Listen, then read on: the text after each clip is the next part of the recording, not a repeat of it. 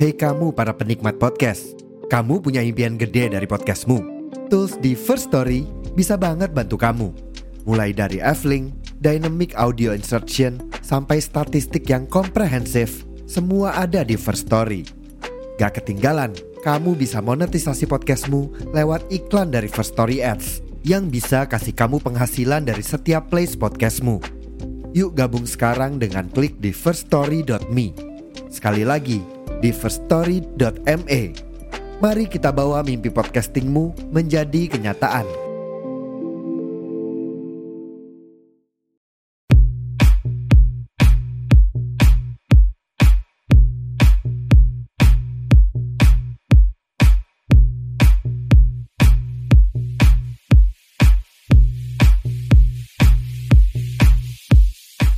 Bismillahirrahmanirrahim Assalamualaikum warahmatullahi wabarakatuh Halo Bu Ibu How is your feeling today? Feeling good or feeling bad? Wah, kalau aku sih ya Bu ya Aku merasa feeling good Like I should When I took a walk around the neighborhood Malah nyanyi ya tapi emang biasanya kalau lagi Gibuni Joayo alias perasaannya lagi baik, lagi bagus gitu bawaannya pengen nyanyi-nyanyi terus ya. Bersenandung, lagu-lagunya yang ceria, yang liriknya positif, yang bikin kita semangat gitu. Tapi kalau sedang Gibuni Anjoayo alias perasaannya lagi nggak baik alias feeling bad, wah boro-boro nyanyi, bawaannya mager ya. Serasanya tuh pengen nangis, pengen teriak gitu. Ya, kalaupun nyanyi, nyanyinya lagu-lagu yang melo-melo gitu kayak misalnya Rayuan Pulau Kelapa gitu ya Bu ya. ah, Bu Inung ada-ada aja. Gimana sih kalau misalnya aku ngerasanya itu mixed feeling, Bu? Gimana Bu Inung kalau mixed feeling gitu? Wah, gimana ya? Maksudnya mixed feeling itu uh, feeling good dan feeling bad jadi satu gitu maksudnya, Bu? Ya, kalau gitu sih berarti namanya the good bad feeling. Maksa banget ya. Tapi kira-kira ada nggak sih arti kata itu, Bu? The good bad feeling. Kalau feeling good, Bu Ibu udah tahu artinya kan ya. Feeling bad juga Bu Ibu juga udah ngerti artinya kan ya. Berarti kalau digabung, Bu Ibu bisa lah ya ngertiin sendiri. Apa coba? Hah? perasaan jelek yang bagus atau perasaan bagus yang jelek? Gimana Bu Inong? Gimana ya? Uh, mungkin Bu Ibu bisa kasih artinya di kolom komentar di podcast ini. Nah, Bu, ngomongin dua kata ini yang dijadiin satu juga nih, good and bad. Pernah nggak Bu Ibu denger sebuah kata atau uh, frasa sebenarnya, sebuah frasa the good bad mother? Pernah dengar? Kira-kira apa ya artinya? Kalau untuk bu ibu pecinta drakor, pasti pernah dengar kata ini. Iya, bener. Karena memang ada drakor alias drama Korea yang punya judul The Good Bad Mother. Nah, buat bu ibu yang belum terlalu suka sama drakor, nggak apa-apa, nggak apa-apa. Kita akan review tentang drakor ini The Good Bad Mother. Tentu saja bareng aku, Ibu Inung di Podcast Bu Ibu.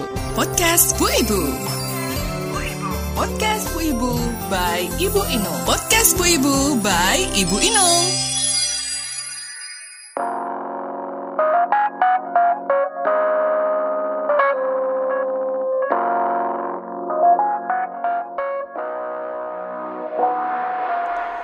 Bu Ibu, beberapa bulan lalu ada drama Korea. Drama Korea yang berjudul The Good Bad Mother. Mungkin agak aneh ya di telinga pas denger atau pas baca judulnya gitu. Drakor apa ya ini kira-kira? Well, episode kali ini podcast Bu Ibu akan nge-review drakor yang judul aslinya adalah Napen Oma Napen Oma yang kalau diterjemahkan ke dalam bahasa Indonesia artinya artinya adalah ibu yang buruk, ibu yang jelek, ibu yang jahat gitu. Napen itu sendiri kalau di bahasa Korea itu berasal dari kata napeda artinya buruk atau jelek. Sedangkan oma seperti yang udah kita sering dengar itu artinya adalah ibu ya, ibu. Napen oma itu diartikan sebagai ibu yang buruk atau ibu yang jahat gitu. Tapi kenapa ya kok kemudian judul yang diedarkan secara internasional ini jadi The Good Bad Mother? Kalau menurutku sih ini bagian dari strategi marketing juga sih, karena dengan judul yang agak uh, menggelitik gitu ya, dengan dua kata yang saling berlawanan dijejerin gitu tuh, tentu akan memaksa orang untuk mau nggak mau nonton kan, biar tahu jalan ceritanya itu kayak apa. Dan benar sih, maksud dari judul yang tersemat itu ada di tiap-tiap episode yang benar-benar diramu sedemikian rupa sampai bikin perasaan kita tuh campur aduk pas nonton. Nah, Bu Ibu, drakor ini tuh udah tamat ya, 14 episode bulan Juni lalu. Buat yang suka nungguin drakornya full tamat dulu, baru nonton, biar enak nontonnya alias gak nungguin ongoing, bisa nih, aku akan rekomendasikan juga untuk tidak melewatkan drakor The Good Bad Mother ini. Ratingnya bagus banget di mana-mana, di negara mana pun. Di Indonesia, di Korea, secara internasional ratingnya bagus banget. Dan banyak banget yang setuju kalau ini bener-bener worth to watch gitu. Cast-nya sendiri, pemain-pemainnya itu juga nggak main-main. Actingnya apalagi. Ada Lee Do Hyun yang sebelumnya angkat nama lewat uh, serial The Glory bareng sama Song Hye Kyo itu kayaknya dia tuh seakan-akan nggak mau sia-siain ya hype-nya The Glory ini karena begitu The Glory selesai cuma selang satu bulan terus langsung ada drakor ini gitu loh. Langsung digeber sama The Good Bad Mother ini. Terus ada lagi cast yang nggak main-main adalah Ramiran yang kita kenal sebagai salah satu uh, pemain drama legendaris Replies uh, 1988 ya Reply 1988 gitu yang jadi tokoh utama drakor ini yaitu uh, Ramiran itu tadi, tentunya berperan sebagai Oma, ya. Oma yang dimaksud di sini tuh itu. Nah, mereka ini akan dikisahkan sebagai anak dan ibu. Jadi, jadi uh, ceritanya itu tentunya seputar mereka berdua. Tapi tentu ada jalinan cerita dari tokoh lain yang tentu saja sangat menarik dan banyak banget moral of story yang bisa kita ambil. Bu Ibu, drakor The Good Bad Mother ini disutradarai oleh Sim Nayon yang sebelumnya menyutradarai drakor Beyond Evil yang pada Baeksang Award tahun 2021 itu menjadi drama terbaik. Jadi udah tahu ya kualitasnya. Beyond Evil sendiri itu emang bagus banget dramanya Bu. Kalau Bu Ibu penasaran, bisa deh silakan seperti nonton juga ya Beyond Evil. Nah, balik lagi ke The Good Bad Mother. Drakor The Good Bad Mother ini ditulis skenario-nya oleh B. Seyong yang merupakan penulis naskah untuk beberapa judul K-movie alias film-film Korea ya. Seperti Extreme Job yang terkenal banget itu. Terus ada film musikal Life is Beautiful dan yang terakhir lalu adalah film Stellar. Nah, banyak banget nama-nama keren menghiasi cast drakor ini. Seperti yang aku udah bilang sebelumnya, ada Ramiran. Itu adalah aktris legendaris juga yang gak pernah fail kalau acting ya. Di sini dia berperan sebagai Oma, tokoh sentralnya yang bernama Jin Yong Sun. Terus ada juga aktor Lee Do Hyun yang berperan sebagai Choi Kang Ho yang diceritakan sebagai seorang pengacara dingin yang sukses. Tapi nggak selamanya dingin dan sukses. Wah, ada apa ya nanti? Terus ada juga aktris An Eun Jin yang berperan sebagai Lee Mi Ju, cinta pertamanya Kang Ho. Lalu ada juga karakter Bang Samsik yang diperankan Yu In Su sebagai tetangganya dan kawan sekaligus lawannya Choi Kang Ho. Nah, dalam drakor ini sebenarnya karakter Oma atau ibu tuh gak cuma satu ya, karena settingnya ini di sebuah desa, desa Jouri gitu.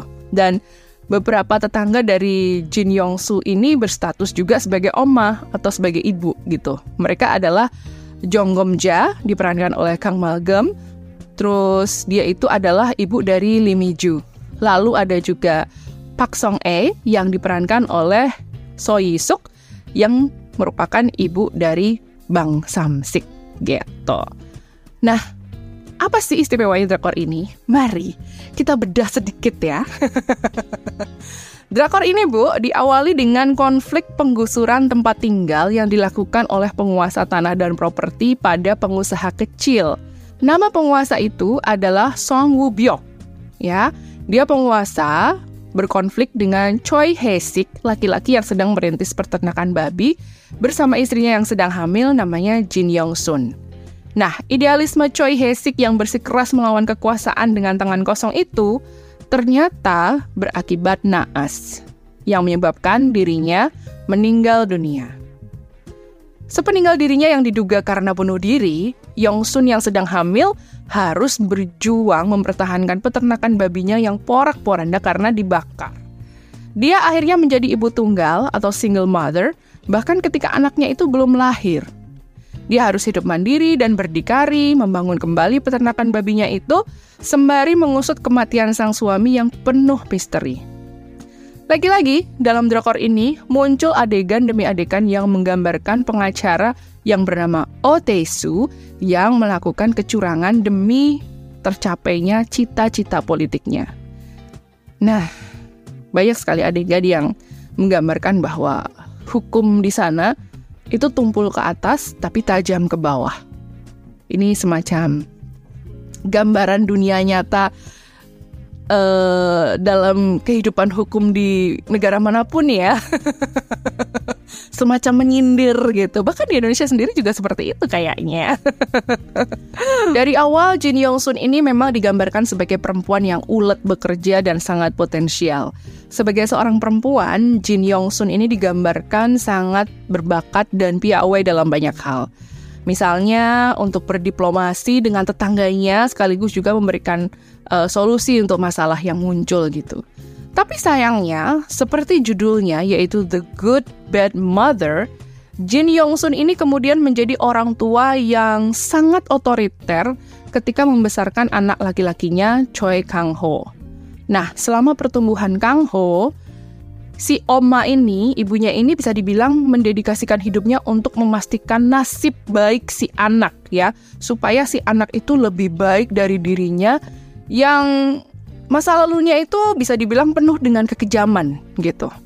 Jadi si Oma ini, si ibu ini ya, selalu mengingatkan Kang Ho untuk selalu belajar, belajar dan belajar, terutama agar bisa menguasai matematika gitu. Kang Ho itu tidak diizinkan bermain dengan temannya karena akan mengganggu waktu belajarnya. Kang Ho juga tidak boleh menekuni minatnya menggambar dan melukis, melainkan harus menghafal semua pelajarannya. Kang Ho bahkan tidak diperbolehkan makan banyak-banyak karena menurut si ibu ini, kalau Kang Ho makan banyak, Kang Ho akan menjadi kekenyangan. Dan kalau Kang Ho kekenyangan, akan membuatnya mengantuk. Kalau kantuk, nggak akan bisa semangat untuk belajar. Jadi intinya, si Oma ini tidak membiarkan Kang Ho memiliki kehidupan yang normal gitu. Ya, hidup si anak ini tuh penuh dengan belajar, belajar, belajar dan ujian gitu. Bahkan ketika ketahuan sedang berduaan dengan Miju nih, ibunya ini melarangnya buat pacaran, bahkan sampai marah-marah sama Miju juga gitu. Nah, Akibat yang ditimbulkan atas pola asuh otoriter itu ternyata cukup serius. Choi Kang Ho akhirnya tumbuh menjadi pribadi yang dingin, yang apatis terhadap lingkungan. Si Choi Kang Ho ini hanya merasa bahwa ibunya itu jahat karena dikekang gitu, diatur-atur dengan keras. Makanya dia menjuluki ibunya itu sebagai napen oma ya, napen oma ibu yang jahat gitu. Mungkin juga itu sebabnya ketika dewasa, Kang Ho itu tidak punya hubungan emosional sama ibunya. Jadi digambarkan bahwa ketika dewasa, Choi Kang Ho ini jadi jaksa yang sukses sesuai dengan keinginan ibunya. Jadi ibunya itu memang dari awal kepingin anaknya itu jadi jaksa gitu. Supaya bisa mengusut kematian misterius ayahnya one day gitu. Tapi Choi Kang Ho dengan kepribadian yang dingin itu tadi hampir tidak pernah berkomunikasi dengan banyak orang. Ekspresi wajahnya tuh cuma satu, flat, datar, ya. Dia nggak peduli dengan orang lain kecuali pekerjaannya. Pokoknya dia gimana uh, menjalani hidupnya sehari-hari itu sesuai apa yang diomongin ibunya, kayak gitu loh. Makan sedikit, kerja banyak, kayak gitu. Jadi intinya dia hanya berkutat di seputar itu aja. Kepribadiannya dingin, sibuk mengejar karir, bahkan menyimpan dendam dan rahasia pribadinya Sampai akhirnya itu dia malah menjauh dari ibunya. Dan hubungan mereka, hubungan uh, si Oma sama Kang Ho ini semakin tidak harmonis sejak Kang Ho itu jadi jaksa di Seoul gitu. Bahkan ketika dia dan Miju pacaran pun ya, pacaran di Seoul, dia sembunyiin dari ibunya supaya ibunya tuh nggak tahu kalau dia pernah pacaran sama Miju. Sampai suatu ketika Kang Ho bilang bahwa dia akan datang ke desa ya, pulang kampung gitu untuk ketemu sama ibunya buat ngenalin tunangannya yang bernama Oh Hayong. Nah, Oh Hayong ini ternyata adalah anak perempuan dari Oh yang dulu dikenal ibunya sebagai pengacara suaminya ketika berkonflik dengan So Woo. Tapi, tahu nggak Bu Ibu? Setelah ngenalin Oh Hayong ke ibunya, malah kemudian terjadi salah paham. Karena si Choi Kang Ho ini malah minta untuk dikeluarkan dari kakak dari kakak dari kartu keluarganya untuk kemudian bis, biar bisa diangkat anak sama Sobubyok. Wah, sorry, agak sedikit spoiler ya Bu ya. Tapi dari sini nanti ibu-ibu juga akan uh, lihat benang merahnya. Ya, tapi cukup sampai di sini aja. Nah, ketika akhirnya kemudian terjadi salah paham antara si Oma dengan Choi Kang Ho, dalam perjalanan kembalinya uh, Choi Kang Ho ke Seoul ya, Kang Ho ini akhirnya mengalami kecelakaan mobil. Tragis gitu. Kecelakaan tragis itu akhirnya mengakibatkan Kang Ho menderita cedera otak yang membuat Kang Ho itu berperilaku layaknya anak kecil usia 8 tahun yang lumpuh. Ya. Jadi nggak cuman mengakibatkan lumpuh, tapi juga dia itu mendapati dirinya itu berkepribadian seperti anak 8 tahun gitu. Nah, otomatis dong Yongsun, omanya ini mau nggak mau harus mengeluarkan energi ekstra untuk merawat Kang Ho, untuk melayani Kang Ho dan membantu Kang Ho setiap hari di atas kasur karena awal-awal dia benar-benar lumpuh nggak bisa ngapa-ngapain gitu. Si ibu ini, si oma ini juga mengajari untuk uh, memperkuat otot-otot lengan dan kakinya Kang Ho, ngajakin ngobrol, nyodorin makanan gitu kan. Pokoknya apa pun yang bisa seorang ibu perbuat untuk membuat si anak ini bisa cepat pulih, lebih nyaman dan segera sembuh bisa beraktivitas kembali gitu. Nah, di sini Bu, banyak banget adegan selama proses merawat ini yang adegannya tuh bikin sedih, bikin terenyuh, bikin pengen nangis dan nangis beneran gitu. Aku sendiri nangis pas nonton ini gitu karena sebagai perempuan yang berstatus sebagai anak dan juga sebagai ibu itu bener-bener relate banget sama uh, adegan-adegan yang ditampilkan gitu. Jadi siap-siap tisu ya Bu ya kalau mau nonton drakor ini. nah, Bu Ibu, karena Kang Ho itu merasa bahwa dia adalah anak-anak dia kemudian berteman dengan dua anak kembar bernama Lee Ye-jin dan Lee So-jin yang merupakan cucu dari Jong Gom-ja tetangganya. Mereka akrab sekali, ya berteman, bermain layaknya anak kecil gitu ya. Dan mereka ini bisa membuat Kang Ho itu bahagia.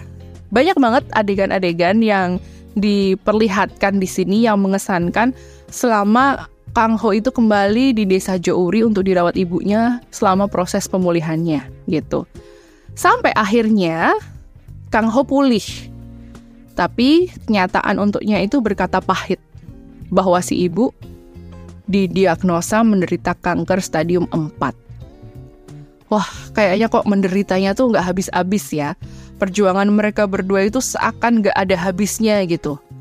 Mereka harus kembali mempertahankan peternakan babi, terus juga harus menyelesaikan kasus kematian bapaknya, yaitu Choi Hesik, dan tentunya membangun kembali serpihan-serpihan hubungan yang dulu kandas gitu ya. Jadi membangun kembali eh, ikatan-ikatan uh, emosional antara ibu dan anak, antara uh, dia dan Miju, antara dia dengan tetangga-tetangganya kayak gitu.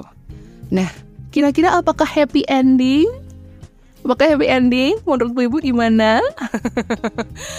well, silakan tonton dan nikmati sendiri drakor berjudul The Good Bad Mother ya. In my opinion, Bu Ibu, drama ini bisa sangat disukai berjuta-juta penonton dan bisa dapat rating tinggi itu karena memang banyak bagian cerita dan adegan yang relate dengan kehidupan kita. Apalagi premisnya itu adalah hubungan ibu dan anak. Wah, ini udah tentu bisa jadi magnet nih untuk paling nggak itu jadi kepo gitu ya. Ceritanya kira-kira gimana ya? Gitu. Ini kan sesuatu premis yang sangat menarik sekali gitu ya untuk diramu gitu. Yang jelas pembuka episode pertama dengan penayangan bagaimana Choi Hesik yang berjuang bareng Jin Yong Sun dalam membuka peternakan babi itu adalah sesuatu yang clever menurut saya gitu. Karena kita jadi bisa paham bagaimana perjuangan Yong Sun ini, tokoh Oma ini, bahwa dia seorang yang sedang hamil, yang kemudian menderita ketidakadilan, kemudian menjadi seorang ibu tunggal dengan segala perjuangannya menafkahi dirinya dan anaknya, terus mengasuh anaknya dengan harapan dan ekspektasi yang tinggi, yang besar terhadap anaknya gitu. Dan kemudian ada penggambaran bagaimana Ramiran itu berubah menjadi seorang Napen Oma gitu ya. Dia digambarkan awal itu sebagai seorang yang seorang perempuan bernama Jin Yong Sun yang gigih, yang ulet, yang uh, gemar berjuang, yang nggak mau apa tenggelam dalam kesedihan, yang pokoknya dia harus bisa memperbaiki kualitas hidupnya kayak gitu.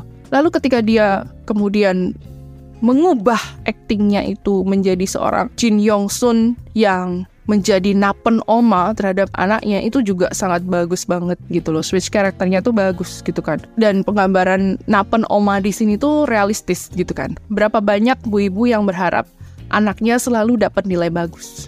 Berapa banyak bu ibu yang berharap anaknya jangan sampai gagal di sekolah? Berapa banyak bu ibu yang nggak mau anaknya punya hidup sesusah ibunya dulu. Nah, adegan-adegan untuk menggambarkan itu tuh sangat-sangat make sense gitu loh. Dan dengan tajuk dalam tanda kutip atas nama cinta atau meski begitu ibu tetap sayang kamu gitu atau demi kebaikanmu sekarang gitu atau demi kebaikanmu kelak itu banyak bu ibu yang melakukan hal-hal jahat itu kepada anaknya, gitu ya. Yaitu tadi, tidak diberikan kesempatan untuk bermain, selalu dipaksa untuk belajar, demi apa? Demi nilai yang bagus, supaya tidak gagal di sekolah. Dan ini sih demi kebaikan kamu kelak, kayak gitu. Selalu alasannya seperti itu. Mungkin buat bu ibu ini wajar ya, tapi buat anak bisa jadi akan memberikan kesan layaknya si Kang Ho ini menjuluki ibunya yaitu seorang napen oma atau ibu yang jahat gitu karena ternyata anaknya ini tidak bisa merasakan kebebasan layaknya anak-anak se seusia dia gitu. Anak-anak dikekang, harus nurut terus apa kata ibu, harus memenuhi ekspektasi atau cita-cita ibu gitu. Padahal sebenarnya anak-anak itu kan punya minat dan bakatnya sendiri, ya nggak? Nah, pengadeganan ini bisa lah disebut contoh sebagai uh, bad parenting gitu ya. Ya kan? Salah satu contoh bad parenting yaitu tadi memaksakan kehendak si orang tua kepada anak gitu kan. Anak tidak diberikan kebebasan, bahkan untuk berkata pun tidak gitu, mengutarakan opininya pun tidak gitu. Nah ini nih yang dia makan salah satu contoh dari bad parenting dan ini adalah salah satu moral of the story dari drakor ini. And of course, we are truly advised not to do so. Bu Ibu, Ramiran boleh jadi merupakan tokoh utama dari drakor ini ya. Dia berperan sebagai Jin Yong Sun yang uh, disebut-sebut sebagai Napen Oma di uh, apa namanya di drakor ini. Tapi yang berstatus sebagai ibu dalam drakor ini tuh nggak hanya dia gitu. Ada tetangganya yang juga ibu-ibu gitu. Namanya adalah Jong Gomja yang harus rela bertahan dari rasa sakit yang diberikan suaminya supaya anak-anaknya itu tetap merasakan kehadiran ayahnya. Wah, Maksudnya tuh KDRT Bu Inung.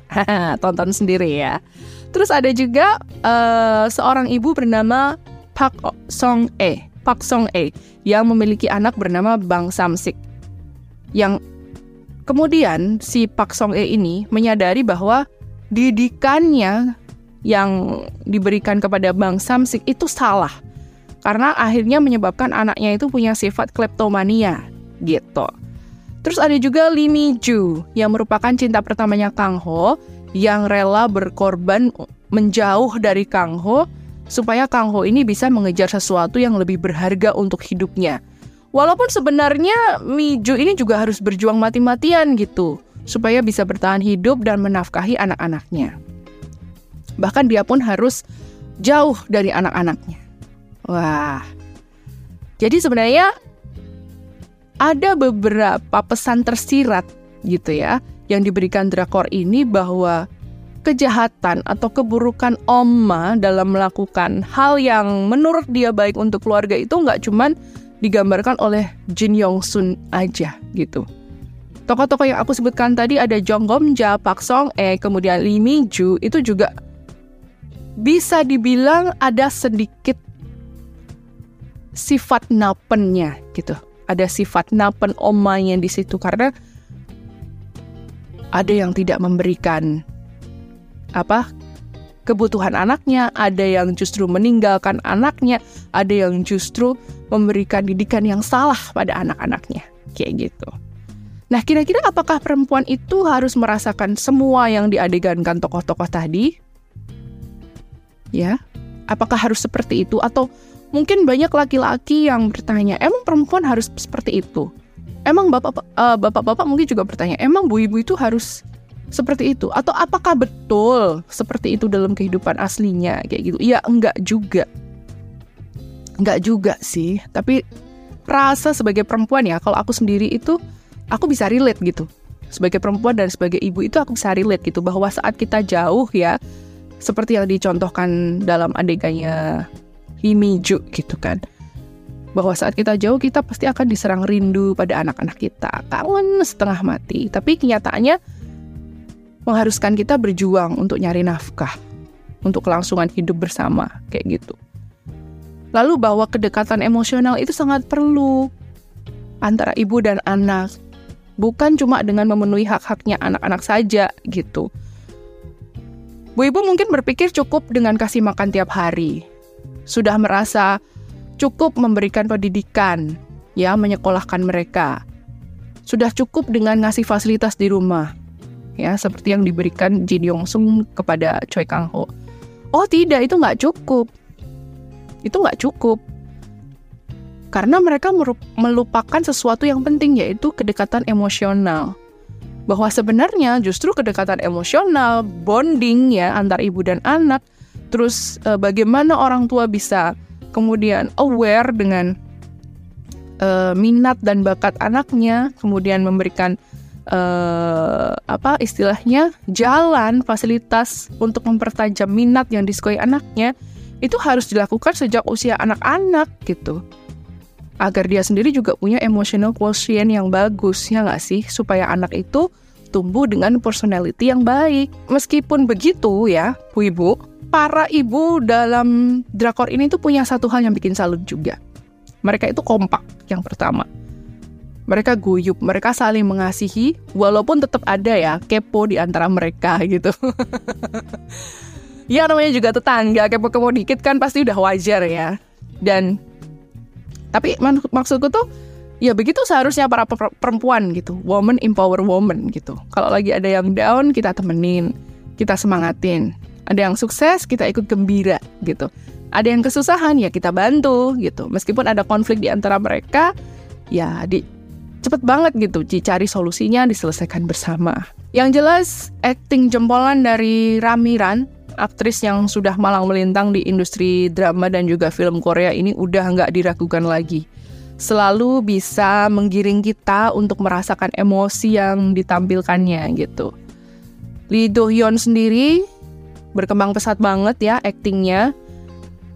Bagaimana dia bisa mentransformasikan dirinya itu dari seorang pengacara yang dingin yang flat kemudian jadi anak umur 8 tahun tanpa lebay gitu ya. Tanpa lebay. Terus juga ada An Jin yang seperti biasa bisa merasuk ke dalam karakternya yang ceria tapi di dalam tuh juga rapuh kayak gitu loh. Yang jelas drakor ini nggak melulu sedih nggak melulu ketawa. Ada tegangnya juga bu. Ada yang bikin deg-degan dan ada juga yang bikin hah? gitu Hampir di tiap episode itu menyajikan plot twist. Terus uh, ada jokes ya, jadi ada komedinya juga. Jokes-jokesnya itu asli lucu banget dan masuk gitu, bu, masuk. jadi uh, perasaan yang nonton tuh campur aduk gitu loh. Bentar-bentar dibikin ketawa, tiba-tiba diajak mikir, lalu kemudian ada adegan yang bikin mewek semewek-meweknya gitu terutama di dua episode finale gitu ya. Episode 13 14 tuh aduh. Oh my god gitu ya. Layer dramanya tuh kaya banget support role-nya juga keren semua. And for myself ya yeah, for me myself it was totally truly satisfying. Banget banget banget gitu loh. Nggak kecewa nonton nonton drakor ini gitu. Dan yang menarik lagi banyak banget quote yang bagus kata-kata kalimat quote yang bagus dan bermakna yang bisa kita ambil. Tapi yang paling ngena adalah eh, kalimat-kalimat uh, dari surat dari si Oma atau dari Jin Yong Sun untuk anaknya yaitu Choi Kang Ho. Inyo neon silju jawa mori garen goani. Silomoko orion ke 바로 사람이 연이라는 거지. 그런 연으로 나는 너희 엄마가 됐고 너는 나 우리 아들이 거란다. 이렇게 소중한 인연, 이 세상에 누구보다 좋은 엄마가 되고 싶었는데 한 번뿐인 인생 엄마도 엄마가 처음이라 서투고 부족했던 거 미안해. 아카생 쳐다보며 소원을 빌렸어.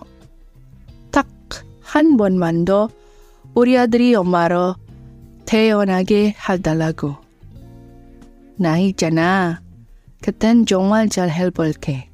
아빠가 없는 걸 스포하면 안 되다고 말하지 않을게. 성주기 인생이 된 것처럼 서이지 않을게. 그림의 소질이 있는 널 menunjukkan 않을게. Papan sutgarakto 먹고 싶어 그는 빛을 못 버쳐가지 않을게. 아빠는 널 보며 억지로 눈물 참지 않을게. 넘어지면 일으켜 줄게. 무서우면 안아줄게. 참 잘했다고 고맙다고, 사랑한다고 매일매일 말해줄게. 그리고 이렇게 빨리 떠나지 않을게. Saranghanda, 내 아들. Kurang lebih artinya gini. Apa kau tahu bahwa kata ikatan di dalam aksara Korea itu mengandung makna benang dan kepala babi? Sama seperti mengikat babi dengan tali dan menggiringnya, ikatan manusia itu juga cukup rumit. Karena adanya ikatan itu, aku bisa menjadi ibumu dan kau bisa menjadi putraku. Padahal ibu ingin menjadi ibu yang baik dengan adanya ikatan ini. Namun karena ibu juga baru pertama menjadi ibu di dunia yang hanya sekali, ibu minta maaf karena penuh kekurangan. Saat meniup lilin tadi, ibu mengucap permohonan. Ibu meminta untuk dilahirkan menjadi ibumu sekali lagi. Saat itu terwujud, ibu akan bersikap lebih baik lagi. Ibu tak akan melarangmu bersedih karena tak punya ayah. Ibu tak akan mendoktrinmu bahwa nilai pelajaran adalah segalanya dalam hidup. Ibu tak akan berpura-pura tak tahu bakatmu dalam melukis ibu tak akan berpura-pura tak melihat tatapanmu yang ingin makan sesendok lagi. Ibu tak akan menahan air mata saat melihatmu kesakitan. Ibu akan membantumu saat jatuh. Ibu akan memelukmu jika takut. Ibu akan memujimu, berterima kasih padamu, dan mengatakan bahwa ibu menyayangimu setiap hari. Selain itu, ibu tidak akan pergi secepat ini. Aku menyayangimu, anakku. Oke Bu Ibu, sudah siap untuk ngejogrok di depan layar dan menikmati episode demi episode drakor The Good Bad Mother? I bet you're gonna love it, you will never forget it, and you're never gonna regret it. Sudah pasti itu, sudah pasti. And one thing for sure you're not gonna regret in your life is it would be subscribing and follow this podcast Bu Ibu on your favorite podcast platform. ya Bu ya, jangan lupa di subscribe dan di follow ya. Terus juga tanda cinta dan tanda jempol ke atasnya jangan lupa dong ya. Murmurah hatilah padaku ya Bu ya. Thank you for listening. Jangan lupa bisa lebih dekat denganku lagi via DM di akun Instagram podcast Bu Ibu. Alright, aku Ibu Inung. Keep stay on track and see you on my next episode of Podcast Bu Ibu.